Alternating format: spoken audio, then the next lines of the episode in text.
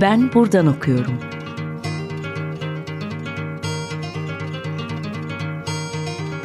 Edebiyat ve başka şeyler.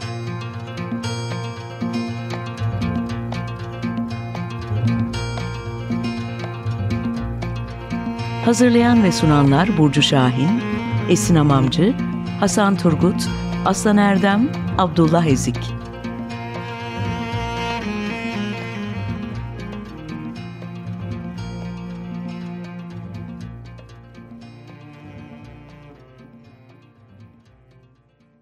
Merhaba, Açık Radyo'da Ben Buradan Okuyorum programındasınız. Ben Burcu. Bugün konuğum Osman Damla ve kendisiyle Nazım Hikmet'in tiyatro metinleri üzerinden ideoloji kavramını konuşacağız. Sohbetimize geçmeden evvel her zamanki gibi kısaca e, Osman Damla'yı tanıtayım sizlere. Osman Damla 91 yılında Diyarbakır'da doğdu. Üniversiteye kadar olan eğitim sürecini Diyarbakır'da tamamladı. Van 100. Yıl Üniversitesi'nde Türk Dili ve Edebiyatı bölümünü yarıda bırakıp İstanbul'a taşındı uslanmamış olmalı ki e, dedi kendisi. Marmara Üniversitesi Türk Dili ve Edebiyatı bölümünde lisans eğitimini tamamladı. Şimdilerde İstanbul 29 Mayıs Üniversitesi'nde Yeni Türk Edebiyatı'nda e, yüksek lisans yapıyor. Yazıları Birikim, Varlık, Dergah, Parşömen, Lacivert, K24, Mimesis, Mühür, Edebiyat Ortamında yayımlandı. Şiir, deneme ve makale yazıyor Osman Damla. E, metinlerinin tek boyutlu olduğuna inanmıyor e, Nesre demokrasi gelmediği sürece de memleketin iflah olamayacağını düşünmekte kendisi. E, alıntı yapmış oldum biyografinde bayağı bir. E, şimdi e, ilk sorum tür meselesiyle ilgili olacak benim. Genelde bildiğimiz gibi Nazım Hikmet'in şiiri üzerine çalışılıyor. E, Nazım dediğimizde bir şair canlanıyor aklınızda haliyle ancak hemen her türde yazmış çizmiş biri. İlginç ki edebiyattan bahsettiğimiz zaman da aslında tiyatro göz ardı ediliyor. Ee, hem Nazım üzerine çalışmak hem de onun tiyatroları üzerine çalışmak zorlayıcı oldu mu böyle bir yerden başlayabiliriz. Neden özellikle tiyatrolarına odaklandın? Nazım Hikmet'in tiyatroları üzerine de aslında çok fazla çalışmaya rastlamıyoruz. Ee, belki buradan evet. başlayabiliriz. Yani yapılmış diğer çalışmalarda mutlaka bakmışsındır. Senin Tabii. çalışmanın, ya kitap projenin diyeyim, e, diğerlerinden farkı ne oldu diye sorarak başlayalım. Merhaba öncelikle Burcu. Teşekkür ederim. Ee, Nazım Hikmet'in tiyatrosu hakkında e, gayri resmi yüzlerce çalışma olduğunu söyleyebilirim. Ee, özellikle Erkan Irmak'ın Kayıp Destan izinde kitabında e, Nazım'la ilgili devasa bir toplam olduğunu bize belirtiyor. Yani 200 kitap, 900'e yakın yazı, 30 kadar dergi özel sayıları ve dosyaları 150 kitapta bölüm olarak görüyoruz. Yani 25 ve 30 arasında bir test çalışması olduğunu görüyorum. E, oyunlarıyla ilgili Süreyya Karacabey, Cihan Atakul, Sevda Şener, Esra Dicle Başbu gibi yazar akademisyenlerin çalıştığını da biliyorum. Hı hı. E, çalışmalarını okudum, takip ettim. Yani Nazım'la ilgili bilinen 33 oyun var elimizde hı hı. bildiğimiz. Bu oyunlarda temalar e, çok çeşitli ve çağının tüm teknik imkanlarını kullanmaktan çekinmemiş. Ee, özellikle Sovyetlerde Rus avantgardizmi ve tiyatrosu, yine Marx ve Engels okumaları Nazım Hikmet'te bir sıçrama e, yapıyor.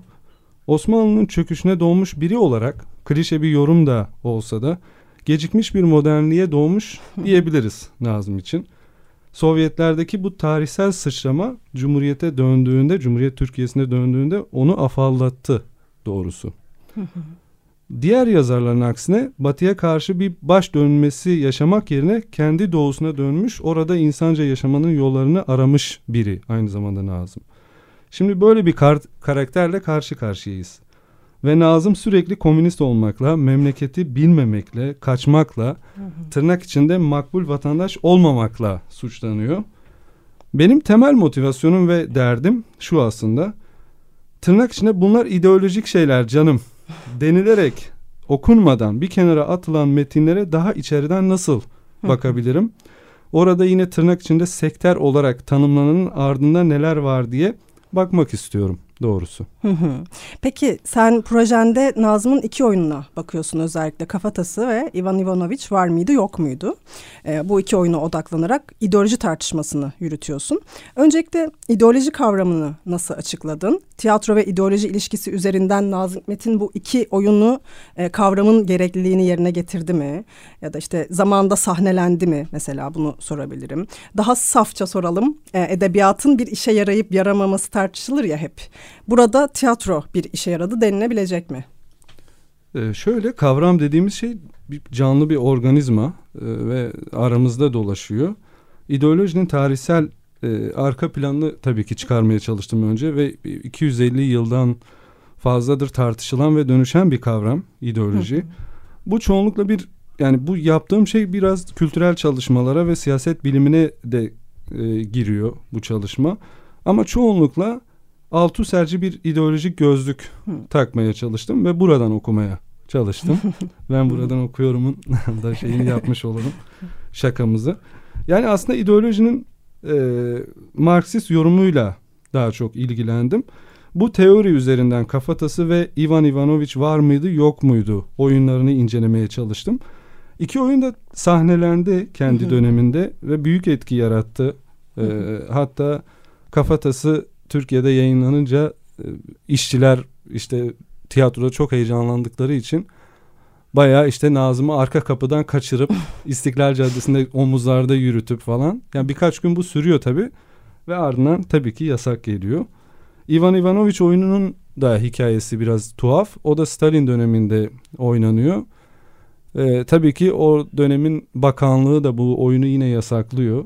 Ee, Sovyet insanını böyle gösteremezsin diye. Aslında iki oyunun da böyle e, sorunlu bir sahnelenme durumu söz konusu. E, ya, açıkçası şiirlerinde de o teatral ve sinematik evreni görmek mümkün aslında. Hı hı. Yaşamının son yıllarında kendisini üçüncü sınıf bir dram yazarı olarak tanısa da bence bu konuda kendisine haksızlık ediyor Nazım. E, Kafatası oyununa hızlıca hemen hı hı. biraz ondan bahsetmek istiyorum. Kafatası oyunu aslında tam da ideolojideki yanlış bilinci anlatıyor. Nazım oyunu zaten daha önce Her Şey Mal adıyla yazmış Moskova'da Doğu Emekçileri Komünist Üniversitesi'nde. Hı hı.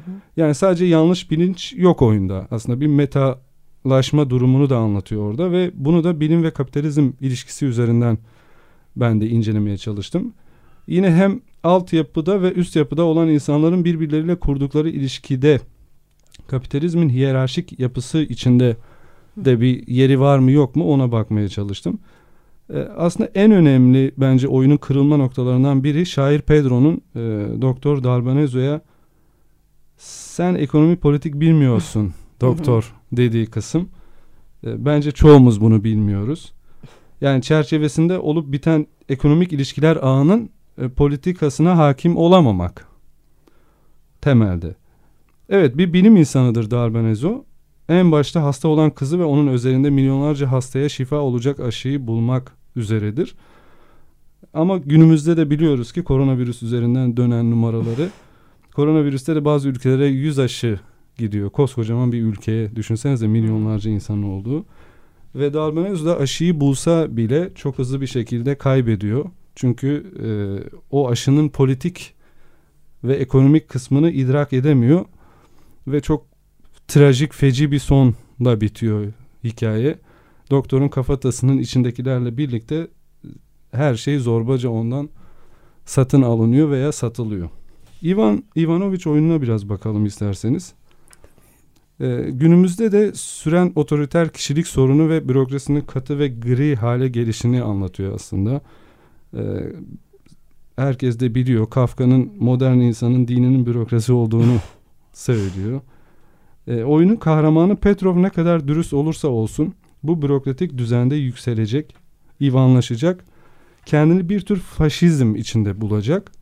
Otoriterleşme onu öyle hasta edecek ki bedeninde rahatsızlıklar oluşacak, gündelik hayatın akışına tahammülü kalmayacak.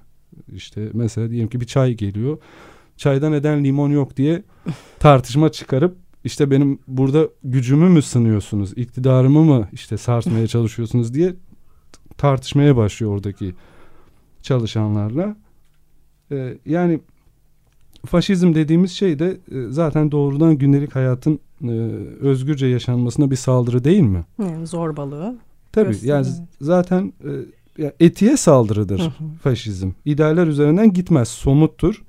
Doğrudan insan yaşamını merkezine alıp onu baskılamak, dönüştürmek, tek tipleştirmek bunların hiçbirisini yapamıyorsa ortadan kaldırmak Evet, yok ister. edici tarafı Yok da var, edici evet. tarafı vardır. Yani bu iki oyunun da en önemli özelliği aslında Nazım Hikmet'in hani son Rusya gezisinde Stalin'in yaratmış olduğu bu katastrofik devlet düzeni ve sanat da dahil her şeyi kendi kült kişiliğinde toplamasına karşı duyduğu memnuniyetsizlik. Petrov dürüst ve sıradan bir komünist devlet memuruyken kendini her şeyi bilen, sağa ve sola emir yağdıran, cezalandıran birine dönüşüyor.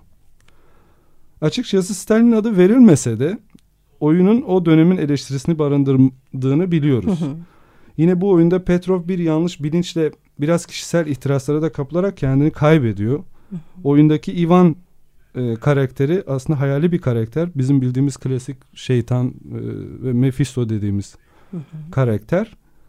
Kendi aklını ıslah edemeyen Petrov sadece e, ben dürüst biriyim bunlar neden benim başıma geliyor saf, gibi safça sorular sordukça aslında daha da kendini Ivan'ın yanında buluyor. Hı hı. Burada yine ekonomi politik kavramı devrede. Yani içinde olduğu duruma uzaktan bakmak için yeterli araçlara sahip değil. Ee, dürüst bir komünist memur olsa da onun da bir yanlış bilinç içerisinde ola, ol, olup olmayacağı ya da işte ekonomi politiği idrak edip etmeyeceğini yine de görebiliyoruz yani. Komünist olması bunun için yeterli olmuyor. Peki bütün bunların farkında olan bir yazar için, eleştirel düşünen biri için yani bu anlattıkların hepsi onu gösteriyor aslında. E, sektör ifadesinin de ortadan kalktığı e, iki metinle karşı karşıyayız aslında biz. E, bunu söyleyebiliriz sanırım. Aslında konuşurken arada iletmiş oldum. E, ancak biraz daha açmak adına sormuş olacağım ben bunu. E, Foucault, Althusser gibi felsefecilerin ideolojiye bakışıyla Nazım'ın bu iki oyunu paralel bir şekilde okunabilir mi? E tabi okunabilir elbette. E, ben de ideolojinin erken dönem Marksist yorumunu aşarak okumayı deniyorum. Daha doğrusu bunu. Foucault'da var tabi dışarıdan destek aldığım. Ama çoğunlukla Althusser'in ideoloji yorumuyla bence daha iyi okunuyor. Michel Foucault'da olmak üzere tarihsel olarak ideolojinin tüm bilgilerin bilgisi olduğu yaygın bir kanı. Ama Foucault ideoloji kavramına daha ihtiyatlı ve eleştirel yaklaşıyor. Evet. Ondan bir alıntı yapmama müsaade edin lütfen. Tabii. İdeoloji kavramı hakikat olduğu varsayılan başka bir şeyle daima potansiyel bir karşıtlık durumunda yer alır. Ben şimdi sorunun bir söylemde, bilimsellik ya da hakikate ait olan şeyler ile başka şeye ait olan şeyler arasında bir çizgi çizmekte değil, kendi başlarına ne doğru ne de yanlış olan söylemlerin içinde ideolojinin doğruluğunun nasıl üretildiğini tarihsel bakımdan anlamakta yattığı inancındayım diye uzun bir şey sö- söylüyor. Ee, Biraz açalım. Foucault ideoloji kavramının Salt Marx ve diğer Marksistlerin düşündüğü kadar mekanik ve masum bir yapıda olmadığını, dil sayesinde bütün toplumsal ve bireysel yapıların içine yerleşmiş bir söylem olduğunu düşünüyor. Söylem de güçtür ve güç iktidar demektir. Böylelikle hani aslında buradaki Foucault'un o yukarıda bahsettiği şey hani bu o kadar güçlü bir şey ki sadece ideoloji diyerek işin içinden çıkamayacağız. Daha büyük, daha geniş bir e, etkilenmenin içerisindeyiz. Neredeyse hayatın ta kendisi gibi bir Evet. şeye dönüşüyor herhalde. Hı hı. İdeolojinin dışında söylemle kapsamı daha geniş ve tarihsel olarak ele alıyor Foucault. Ee, ideoloji Marx ve Engels için yanlış bilinçti. Yani altyapı ve üst yapı arasındaki ilişkide proletaryanın, burjuvanın belirlediği düzende kendini tanımamasıydı. Althusser ise bu meseleyi devletin ideolojik aygıtları olarak daha geniş olarak ele aldı. Ama söz konusu sanat olduğunda sanat metninin içinde ideoloji nerede diye sorduğunuzda metnin içinde kurulmuş olan evrenin düzenine ve kişilerin tavrına bakmak zorunda kalıyoruz. Hı hı. İdeoloji her metnin içinde var zaten. Örtük olarak ya da açık olarak. Hı hı. Açık olunca doğrudan propaganda diyoruz zaten. Ama örtük olduğunda katmanlı bir metin diyoruz. Ben bu iki oyunda hem çoğunlukla Marksist geleneğin ideoloji yorumuyla yola çıkmaya çalıştım hem de yine Foucault'dan da e, destek alarak söylemin de ne kadar etkili olabileceğini görmeye, göstermeye çalıştım. Peki şimdi e, istersen bir şarkı arası verelim. Sen seçtin şarkımızı. Anonsunu da sen yap istersen. Evet. E, ben Koma Çarneva'dan bir şarkı dinletmek istiyorum size. Bu seçim atmosferinde biraz olsun daha böyle hareketli e, iyi bir şarkı dinletmek istiyorum size. Hangi şarkı? Koma Çarneva'dan Yaramla Bedeve şarkısını dinleyeceğiz. Merhaba tekrar Açık Radyo'dasınız. Ben buradan okuyorum da Osman Damla ile sohbetimize kaldığımız yerden devam ediyoruz. E, şuradan devam edelim. Nazım Hikmet'in yazınını ve hayatını aslında birbirinden ayırmak oldukça güç. E, buradan hareketle ideoloji kavramı ve entelektüel olmak arasındaki ilişkiyi konuşalım biraz da. E, yazında ve hayatında bir tavır, söylem olarak fikir iletmek, tartışmak ya da tartıştırmak ve benzeri bu kelimeleri çoğaltabiliriz elbette. Ya da aydın, münevver olmanın gerekliliği midir sence e, diye buradan bir entelektüel olmak üzerinden konuşalım. Evet, bu soru aklıma Edward Said'in meşhur entelektüel kitabını getirdi. Entelektüel aydın veya münevver kelimeleri farklı dillerde ifade edilen ve farklı varyasyonları olan kelimeler aslında. Hı hı. Küçük farklar var evet, içinde. farklı anlamlar da taşıyor. Ama bu konumuz olmadığı için bunu geçeceğiz. Hı hı. E, düşünen, kendisi ve içinde olduğu toplum hakkında düşünen biri ideolojinin ne olduğunu ve hangi argümanlara sahip olduğunu bilmeden yaşayamaz. Hı hı. Ama bilse de yaşayamaz. Sürgündür çünkü. O zaman elimizdeki birinci veri entelektüelin yersiz ve yurtsuzluğu. İkinci veri entelektüel zihniyle geçinen yani bir fikir işçisi. Ama tek bir yerde çalışan bir işçi değil. Artık dünyanın e, birçok işi için gönüllü bazen de kendini bu düşünme işine adayan kişidir. O zaman bu durumda dünyanın genel ideolojik ve söylem düzeni içerisinde kırılmaları, tekel oluşturan yapıları, güce yönelen bir kapitalin kullandığı argümanları ifşa etmek haliyle entelektüelin görevlerinden biri oluyor. Hı hı. Entelektüelin hadi aydın ve münevver de diyelim buna şimdilik. Sanatçıyla ortak özelliği ikisinin de kurumsal hale gelmiş bu yukarıda saydığım düzen karşısında sonuçta birleşmeleridir. Hı hı. Yani farklı gidiyorlar ama aynı sonuca ulaşıyorlar. Yöntem farklı olsa da sonuç aynı yere çıkıyor. Bu entelektüel ve sanatçı kişiliklerin bazen iç içe geçmesi de mümkün oluyor. Ee, Nazım da bence onlardan biri. Evet. Yani altı ciltlik bir yazılar serisi var. Neredeyse birçok şeyle e, ilgilenmiş ve onlar evet. hakkında yazı yazmış. Yine aklıma e, Marx ve Engels'in yazım ve sanat üzerine e, olan derlemesinde Balzac hakkında söyledikleri geliyor. Balzac su katılmamış bir burjuva olmasına evet. rağmen nasıl oluyor da içinde olduğu düzene aynı zamanda eleştirel bir gözle bakabiliyor diye tartışırken sanatçının aslında doğrudan aynı ideolojiye sahip olmasa da içinde olduğu yani mesela burjuvadır ve aslında sosyalist biridir. ama çok iyi anlatır burjuvayı ya da işte burjuva biridir ama burjuvayı da iyi anlatır. ee, bazen böyle bir özelliği var. Sanatçı sanat sanat eserinde bir fikir, tavsiye, ideolojik bir argüman belirtebilir mi? Belirtebilir. Bunu örtük bir şekilde metnin içindeki sembollerle gerçekleştirmekte zaten. Yani bir aşk şiirinde de cinsiyet rollerinden tutun da aşkın kendini gerçekleştirdiği coğrafyanın iklimi, aile yapısı vesaire binlerce veriye ulaşmak mümkündür. İdeoloji nihayetinde bütün dünyayı kuşatmış bir bilgi ağı. Bu alan içinde insanın yolunu bulması için birkaç işarete kılavuza ihtiyacı var. Yazarlar, sanatçılar, düşünürler ve entelektüel insanlar bu yaşadığımız sembolik düzende bunları açıklayıp ya da işaret edip fark etmemizi sağlıyor. Evet e, yani aslında zaten aracımız dil ve bu kendiliğinden oldukça politik bir şey e, diye düşünüyorum ben de. Yani seçtiğimiz kelimeler, vurgular, neye odaklanıp neye sırtımızı çevirdiğimiz birçok konuda e, bilgi veriyor aslında. E, şimdi şöyle bir şey soracağım. Ekber Babayev ile Nazım'ın konuşmalarının derlendiği bir metin var bildiğimiz gibi. Evet. Ee, orada da aslında gene bu konu üzerinden tartışabileceğimiz ifadeleri var Nazım'ın.